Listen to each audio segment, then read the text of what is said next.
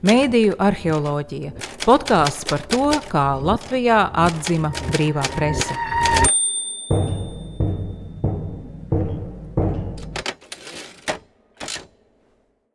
Sveicināti Satorija podkāstu studijā. Šodien ir Daiga Biteniece.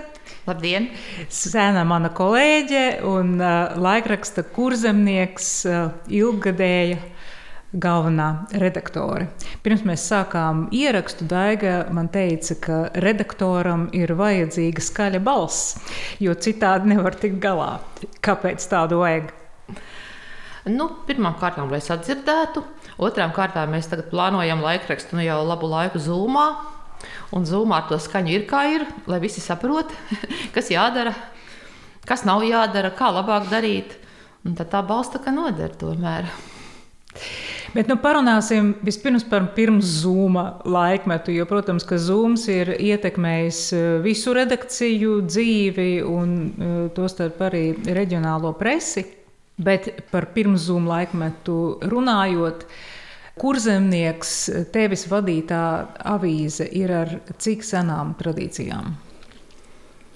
Nu, konkrēti, kurzemnieks ir ar nosaukumu Kurzemnieks ir kopš 1989. gada, kad mēs mainījām nosaukumu no padomju laika, padomju dzimtenes un, un paņēmām vārdu kurzemnieks, kas kādreiz bija laikrakstam, kas iznāca kuldīgā sākot no 1910. gada.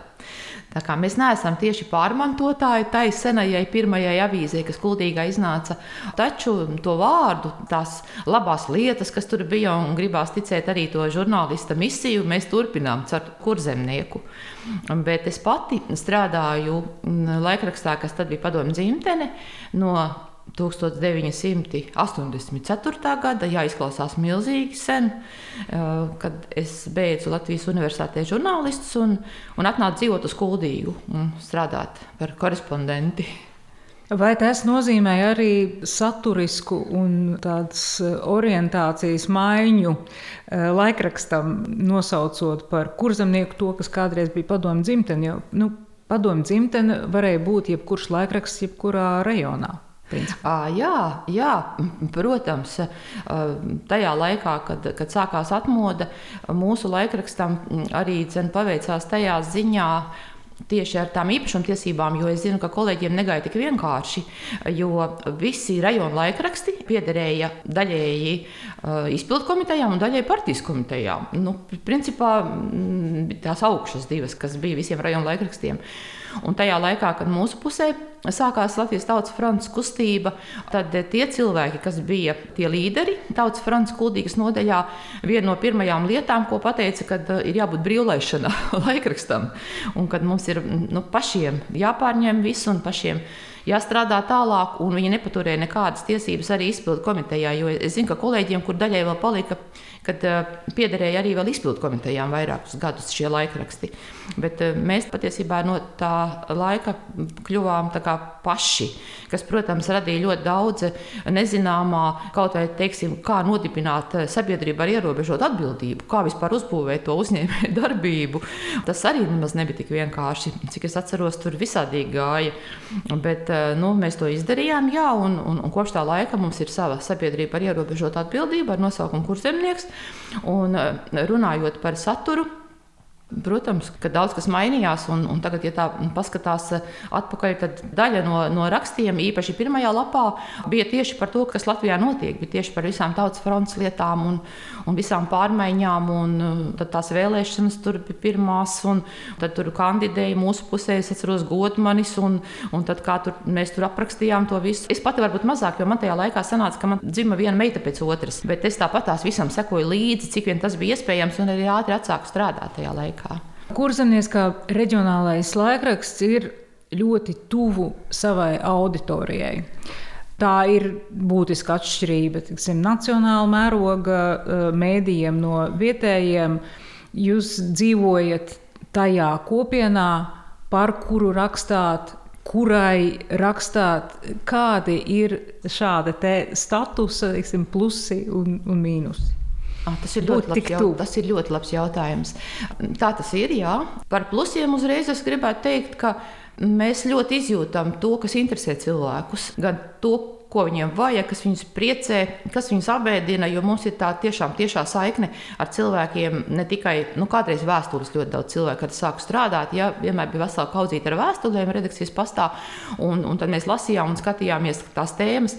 Tagad vēstules cilvēki tikpat kā neraksta, toties tagad ir e-pasti un ļoti daudz sociālajos mēdījos un ļoti daudz arī Facebookā ieraksta, ko viņi grib no mums vai, vai kas viņus ir saniknojis vai kas viņiem nav paticis.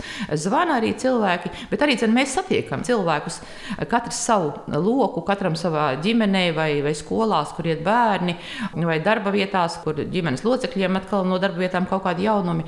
Un mēs principā to visu izjūtam uz savas ādas un redzam un zinām. Un es domāju, tas ir tas lielākais plus. Vēl ir arī tas, ka pašiem dzīvojot uz vietas, mēs arī ļoti labi redzam, kādas lietas būtu veicināmas, kas būtu attīstāmas.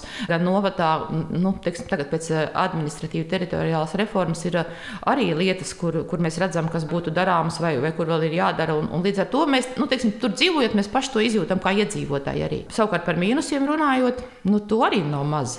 Uh, viens no mīnusiem ir tas, ka ir ļoti grūti kritiski uzrakstīt par vietējiem cilvēkiem, zinot, ka mēs noteikti viņus atkal satiksim vienalga vai no rīta kāpņu telpā. Ja? Kā man ir pašai kaimiņiem bijis, ka kaimiņš man noķer kāpņu telpā un pasaka visu, ko domā par kādu rakstu. Vai mēs viņus satiksim tirgū vai veikalā vai tajā pašā bērnu skolā, vecāku sapulcē. Vai Vai tam līdzīgi. Un līdz ar to ir tā dilemma uzrakstīt maksimāli objektīvi, maksimāli patiesi, bet tai pašā laikā arī kritiski nenocērtot visu atpakaļceļu, ja, izējot pa to smalko vidus staciņu, ja, lai būtu vilks paēdis un kaza dzīve. Jo mums jau arī turpmāk ir jāstrādā ar tiem cilvēkiem, un arī tāpat informācija mums ir vajadzīga, un atgriezeniskā saikne ir vajadzīga. Un līdz ar to ir, ir ļoti sarežģīti Piemēram, arī tāds aspekts, ka reģionālā laikrakstā nav atsevišķi komentētāji bloks un atsevišķi žurnālistu bloks. Īpaši pašlaik, kad vispār žurnālistu reģionālos laikrakstos ir dažviet divi, dažviet trīs, un varbūt ļoti labi, ja ir četri, un tas darba apjoms ir milzīgs, tad pašiem žurnālistiem ir jāraksta arī komentāri. Un tas ir vēl sarežģītāk, kad tu uzraksti par kaut kādu lietu rakstu, un tagad tev tas arī ir jākomentē. Un īpaši, ja tu, piemēram, uzraksti par kaut kādu problēmu medicīnā, un tu zini, ka tev pēc tam atkal vajadzēs no slimnīcas dabūt informāciju, un tad rakstīt kritisku komentāru tev pašam ļoti grūti tad mēs cenšamies, ka varbūt cits raksta nu, komentāru un cits raksta rakstu, bet tie paši cilvēki vienmēr tur esam. Un, jā, tas ir sarežģīti, jāatzīst. Nu, kā izdodas to vidustaciņu noturēt? Ir bijis dažādi, teiksim tā. Ir bijis, ka mums ir bijuši sācinājumi, tādi konflikti. Mums ir bijuši konflikti arī ar uh, pašvaldības vadību, uh, kad mums ir bijuši lūgumi no pašvaldības vadības nomainīt korespondentu, kas iet rakstīt uz domu, jo viņš neraksta komplementāri tā, kā ir sagaidīts. Un, protams, tajā brīdī pasaka, ka ir kaut kas sajaukts. Nepasaka tik tiešā valodā, ka nepatīk ja? tā kritika vai, vai kaut kāds asums, kas ir parādījies. Ļoti svarīgi ir kāds ir pašvaldības vadītājs. Mm, mēs esam par to arī vairākas reizes redakcijā diskutējuši, ka mūsu pašvaldības vadītāji pašreizējā ir ar tādu demokrātisku domāšanu, tādu demokrātisku pieejamību. Ja? Un nav bijis neviens tāds gadījums, kad pēc kāda kritiska raksta ir nu, bijis kaut kāds, nu, varbūt ir bijis tas, ka ir kādreiz tiešām bijis kaut kas vai neprecīzs, vai nav līdz galam saprasts, un pēc publicētā mēs kaut ko vēl skaidrojam un rakstam. Un, un tā, un ja vajag, mēs arī nu, ieliekam kļūdas labojumu un atvainošanos. Tas tā ir viena lieta, bet nav bijis tā, ka ir kaut kāda tēma, kas ir tabū, ko mēs nedrīkstam rakstīt, kam nedrīkstam pieskarties vai, vai teikt, uzkāpt uz vēršacīm. Un Tā, tādā ziņā es domāju, ka tā, tāda sabalansēta tās attiecības. Mēs darām savu darbu, pašvaldība dara, dara savu darbu. Es atceros, ka agrāk varbūt vairāk es biju tādā pozīcijā, kad eh, mums nav viens mērķis ar pašvaldību. Ja? Un tagad, protams, mums nav pilnīgi viens mērķis ar pašvaldību, bet mums tomēr ir kopīgais tas ietvars eh, darīt visu, lai kuldīgas cilvēki dzīvo labāk, lai pilsēta attīstās, eh, lai attīstās tādā virzienā, kad ir gan labāk, gan pilsētai ar turismu attīstību, gan iedzīvotājiem, kas tur dzīvo. Un līdz ar to es domāju, ka tā kopīgā misija ir patiesībā, lai visiem ir labāk, lai mēs visi dzīvojam labklājīgāk, ne tikai kuldīgā, bet arī nu, Latvijā kopumā. Nu, tā tad eh, jums ir tāds savā ziņā privileģēts stāvoklis, ja, ka jūs esat uz viena viļņa, nu, tā, domājot par to, ko jūs vēlaties. Jūs vēlaties, lai kuldīgā, kuldīgas novadā būtu foršāka dzīve. Jā, tā varētu teikt. Jā. Jā. Bet, nu, ja mēs patinām filmu atpakaļ, varbūt tev ir atmiņā kāds gadījums, tad, kad varbūt vēl tā Mēdīju pratības līmenis, sauksim to tā, vēlēto vietējo vēlēto amatpersonu vidū vēl nebija tik augsts. Un, piemēram, pienāca kāda zvana uz redakciju, vai var atsaukt atmiņā kādu tādu, kad ir pašvaldība ārkārtīgi nikna un neuzskata, ka vietējai avīzei ir tiesības to kritizēt. Par pašvaldību runājot, tas bija iepriekšējo mēru laikā, tas, ko es sacīju, kad lūdzu nomainīt korespondentu, nu, ko mēs neizdarījām. Tad vēl par pašvaldību cilvēkiem runājot, ir šobrīd mēs ļoti daudz rakstām par tiem cilvēkiem, kas ir potējušies pret covid, lai veicinātu to potēšanos, jo mums bija viens no zemākajiem procentiem novadā un ļoti daudz antivakseru kuldīgā neskapēc.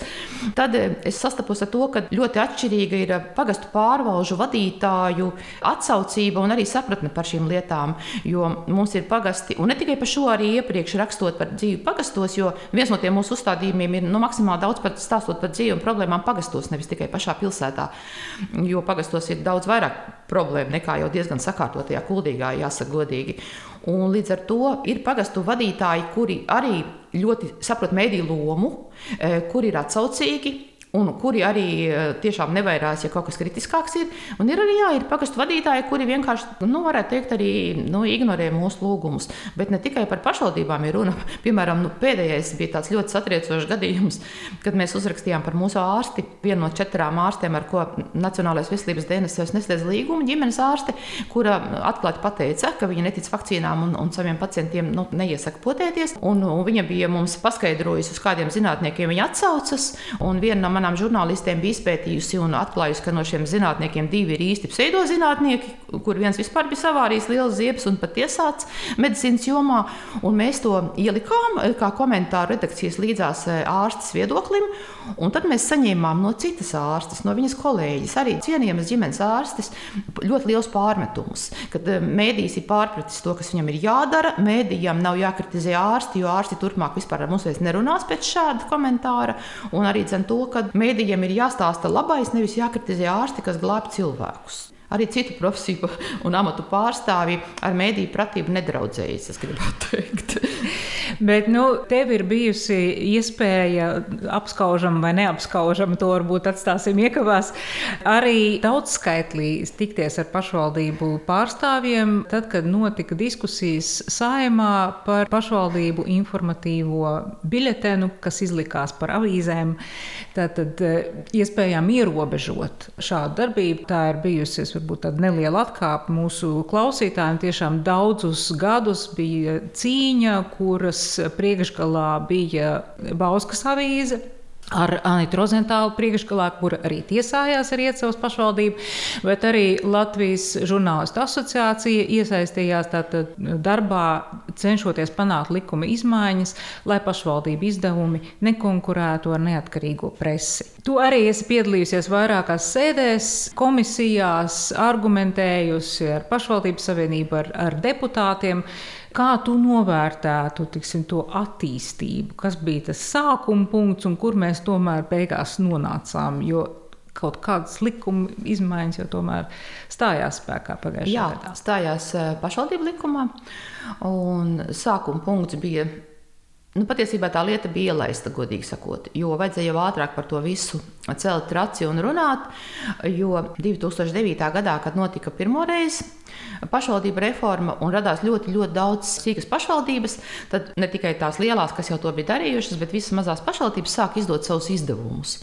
Un katrā tur bija kas strādā, un katram tika atvēlēts budžets, un lielajās pašvaldībās tās bija veselas nodaļas, tur mārketinga speciālisti un, un rakstītāji un, un, un maketētāji. Un tas tiešām tā bija, kad um, reģionālie neatkarīgie laikraksti, ja, teiksim, nu, tie, kas ir šīs sabiedrības ar ierobežotām atbildībām, kas lielākoties novados pieder pašiem cilvēkiem, kas tur strādā, vai viņu mantiniekiem, tiešām sastapās ar ļoti sarežģītu situāciju, kad paskastīties tika mesti pašvaldību izdevumi patiesībā par mūsu nodokļu maksātāju naudu.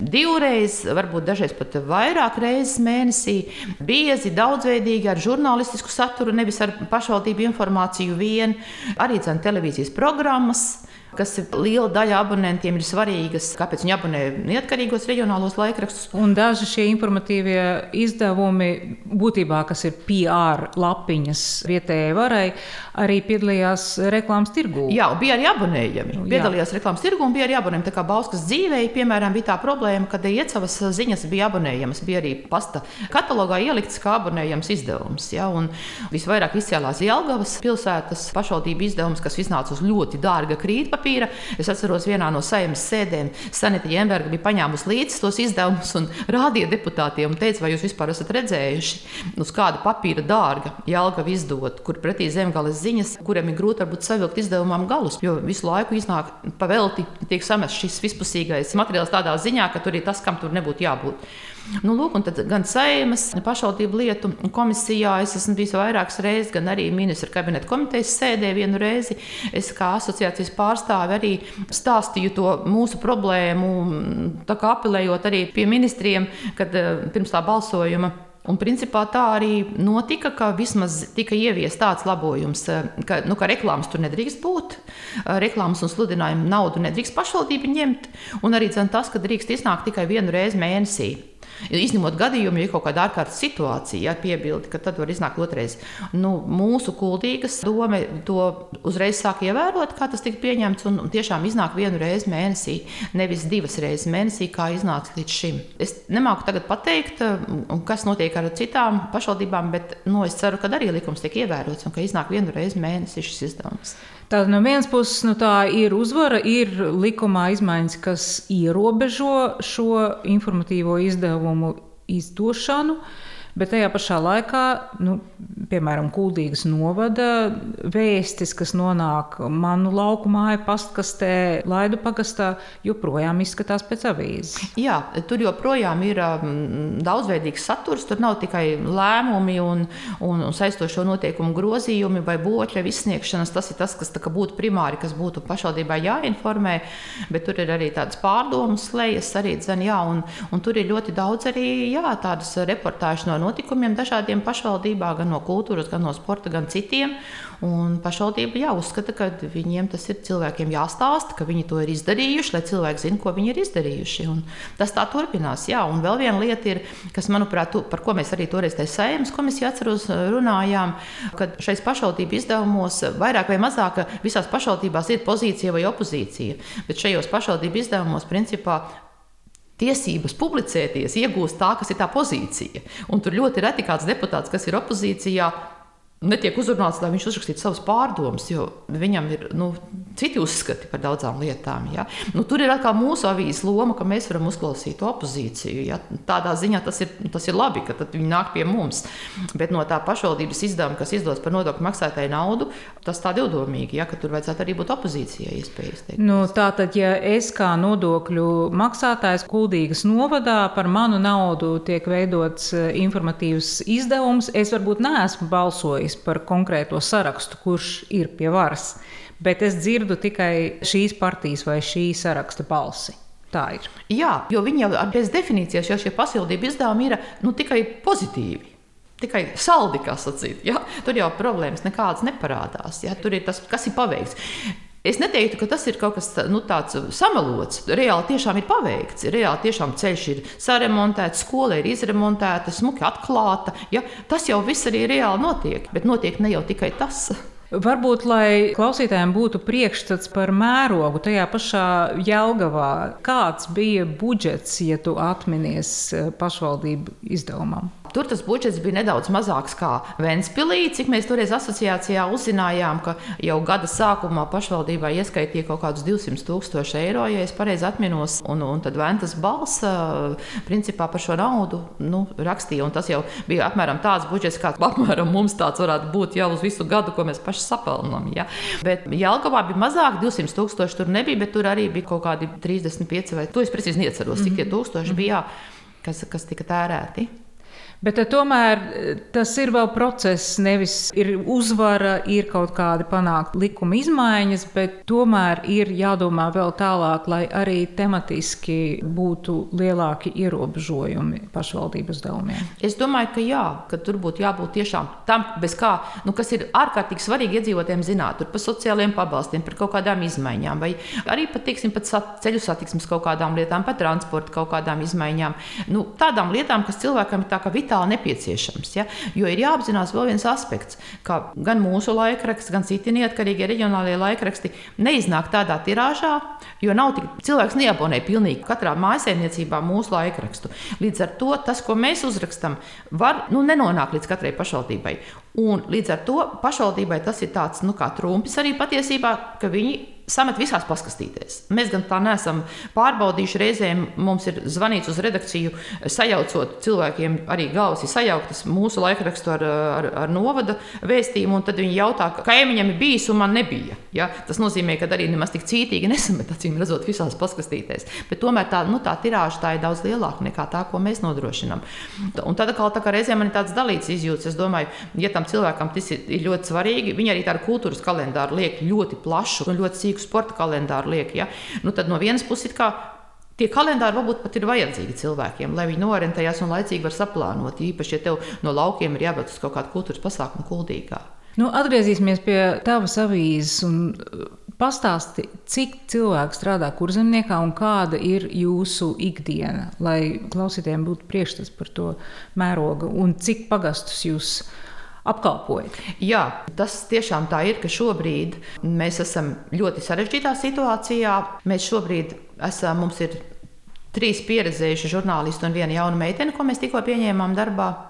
Un mēs esam tātad četri. Mums ir tagad, pirms tam, pirms reformas, mums bija trīs novadi - Āsungas, Krunda un Kuldīgas novads. Un tagad mums tas ir viens lielais Kuldīgas novads. Un vieglāk varbūt ir tas, ka uh, mēs uz komiteju sēdēm un uz pašvaldību domu sēdēm, tā, mums bija jābrauc uz trīs, jāsako līdz trīs pašvaldībām, kāda lēmuma tur tika pieņemti. Varbūt nedaudz vieglāk, ka tagad ir viena pašvaldība, kurā lēmumi tika pieņemti. Bet tā teritorija ir lielāka, problēma ir vairāk, un pagasti ir daudz vairāk, protams. Līdz ar to darbs tagad ir sarežģītāks. Un darbs sarežģītāks nekā agrāk ir vairāk iemeslu dēļ. Gan tas, ka tā teritorija ir lielāka, problēma vairāk, kā es sacīju, gan arī tas, ka Žurnālistu šobrīd ir mazāk, jo no mūsu redakcijas, līdzīgi kā kolēģiem, cik es zinu, ir aizgājuši projām labi žurnālisti strādāt uz pašvaldības dažādām iestādēm. Viena žurnāliste, piemēram, mums aizgāja strādāt uz biblioteku, viena žurnāliste aizgāja strādāt uz pašvaldības kultūras nodeļu, viena žurnāliste mums aizgāja strādāt uz vienu mūžu par pārvaldnieci, vienkārši pavisam citā sfērā. Bet visas bija labas žurnālistes. Nu, viena bija gan jauna meitene, bet nu, mēs viņu bijām apmācījuši, ieguldījuši. Ja?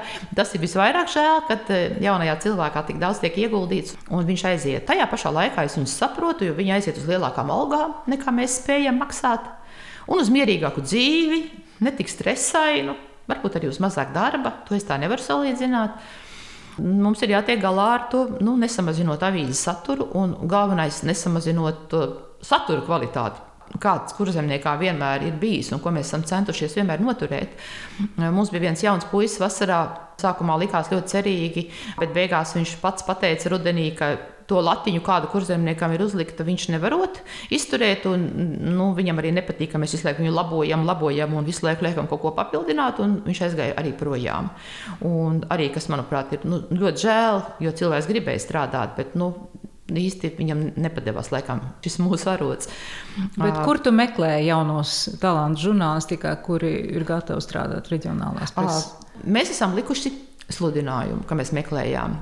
Jo mums arī, nu, diemžēl, gadījās tā, ka viena no kolēģiem, mana vietniece, aizgāja viņa saulē. Tas bija tas lielākais trieciens. Arī dzen, ļoti profesionāls žurnālists, kas bija dabūjis gada izcīnības balvu tieši asociācijas pirms gada, Ingūna Spuleniece. Un tas bija milzīgs zaudējums tai žurnālistikas tā teikt, kvalitātei un arī cilvēcīgi, protams. Tad mēs arī izsludinājām to konkursu, un tajā konkursā pieteicās 12 cilvēki. Nu, no kuriem tagad tā viena meitene šobrīd, šobrīd ir tā viena jaunā meitene, ko es sacīju. Tas puisis savukārt, viņam vajadzēja praksi, un viņš mums bija praksē, un tad mēs viņu uzaicinājām strādāt. Bet, nu, diemžēl tas uh, nebeidzās pārāk veiksmīgi. Nu, tad es arī tā riņķi apkārt skatos, kādu var uzrunāt, un mēģinu uzrunāt. Bet ir ļoti grūti cilvēku motivēt, ja viņam žurnālistika nav tāda pie sirds, kā saka, un ja viņš ir darījis kaut ko citu, varbūt viņam arī patīk rakstīt, es nezinu, dienas grāmatu vakaros mājā, bet nu, tas ir kaut kas pilnīgi cits nekā žurnālistika. Un tas, ka viņš lasa daudz grāmatas, arī nenozīmē, ka viņš var strādāt žurnālistikā. Tā kā ir ļoti grūti. Bet kā tu pārdotu, piemēram, darbu eh, laikrakstā Kurzemnieks, tagad uzrunājot potenciālos jaunos žurnālistus, kāpēc Kurzemniekā strādāt ir forši? Es droši vien pirmais, ko teiktu, kad ir ļoti foršs kolektīvs, bet tagad es to nevaru teikt, tāpēc ka mēs strādājam lielākoties Zoomā, un arī tas mums, diemžēl, sarežģīja dzīvi. Jo zūmā ir ārkārtīgi grūti nodrošināt to savstarpējo um, ideju, domu apmaiņu, to pleca sajūtu, kas redakcijā uz vietas vienmēr klusā un, un ir tā dzīvība un radošums. To es jūtu arī tāpēc, man ir varbūt tā skaļā balss, ko es sākumā teicu, vajadzīgi grūtāk arī visus motivēt un, un saplānot. Vēl es, protams, teiktu to, ka tā ir viena no vispār jaukākajām profesijām un interesantākajām un kāda vispār ir. Droši vien es teiktu par savu pieredzi, kad es nevienu brīdi neesmu nožēlojis, kad es esmu aizgājis studēt žurnālistiku. Es piebilstu, ka nav obligāti jāiet studēt žurnālistiku, lai strādātu žurnālistikā. Pirmkārt, neviena diena nav līdzīga kā nākamā diena. Visu laiku kaut kas mainās, visu laiku ir kaut kādi jaunumi, un tāpēc nekad nav garlaicīgi. Tāpēc, kad uh, visu laiku ir jādomā, kā to atrisināt un kā to izdarīt. Un, principā, cilvēki, kam nepatīk mierīga, vienmuļa dzīve, līdzīgas dienas, tad žurnālistika tā varētu būt tā īstā vieta, ja gribas sev pierādīt, ja gribas pamēģināt. Un, bet arī tajā pašā laikā ir jāsaka, ka ir ļoti grūti, ja ir nabadzīga valoda un trūkst vārdu. Un tas, ja nezinu, kur salikt komats, kā tie mani jaunie, tas vēl nebūtu nekas. Un korektori komats vēl varbūt salikt. Bet tas, ka um, loģika ir vajadzīga, lai varētu vispār saprast, ko tu dari, kā tu sastruktūrē to informāciju, ko tu esi savācis. Lai tu varētu to galveno vismaz pateikt sākumā, nevis raksta beigās. Lai man nav viss raksts jāpārbūvē, mm, tā nu, atnestā informācija nav jāpārtaisa viss no jauna. Ja? Un ir sarežģīti, jo īstenībā jau tā profesija ir jauka, bet es domāju, ka tā ir arī viena no grūtākajām profesijām, kāda ir. Tu jau minēji, ka Zooms ir ietekmējis redakcijas darbu. Varbūt izstāsti sīkāk tieši kā. Pirmais tas tālinātais, ja Tā kolektīva sajūta, tā pleca sajūta, tas ir žurnālistikā, man liekas, ļoti svarīgi. Nu, nevis katram kaut kur no savām mājām rakstīt un pašam kaut kā izdomāt. Man kā redaktorei tas ir ļoti sarežģīts dzīve, ka man principā ar katru žurnālistu nemitīgi ir jākomunicē vairākas dienas, gan sarunās, gan WhatsAppā sarakstoties. Visu laiku arī kaut kādus jautājumus skaidrojot. Tas, ko daudz vienkāršāk ir izdarīt, ja tev no blakus kabineta pasauc un tu atbildi, vai arī, ja tu rediģē tekstu, ka tu vari pasaukt blakus jauno un viņam parādīt un izstāstīt, nevis pēc tam viņam vienkārši aizsūtīt, un viņš nesaprot kaut kādu daļu, kāpēc tas vispār tā ir labots. Ja? Tas, manuprāt, ir ļoti būtisks um, aspekts arī dzen. Vēl arī tieši par saturu runājot, ir tas, ka, kad sākās Covid 20. gada martā, likās sākumā, par ko mēs tagad rakstīsim, ka tas aizveras, tas aizveras, tur mēs gājām, tur mēs vairs neiesim, tas vairs nenotiek. Bet pēc tam to visu tā cītīgi apdomājot un sarakstot, izrādījās, ka Tas viss skar visas dzīves sfēras, tas skar visus cilvēkus. Es domāju, ka saturs no tā galīgi necieta. Tikai vienkārši ienāca iekšā jaunas tēmas un jauni akcenti. Un eh, es domāju, ka mēs ar to diezgan labi tiekam galā, ka mums tas saturs ir saistībā arī ar, ar covid tēmām. Nav pārāk uzbāzīgs, jo ir cilvēki, kas mums raksta, ka beidziet rakstīt par covid, beidziet baidīt cilvēkus. Un nav arī tā, ka mēs stāvam malā un esam pavisam vienaldzīgi, kas notiek, un, un kaut kā braucam pa vecajām sliedēm. Es domāju, ka tur mēs to zelta vidusceļu arī esam diezgan atraduši. Bet ir arī, protams, pozitīvais aspekts tajā visā, ka mēs esam sapratuši, ka maketētājs var strādāt attālināti, kad korektori var strādāt attālināti bentornati.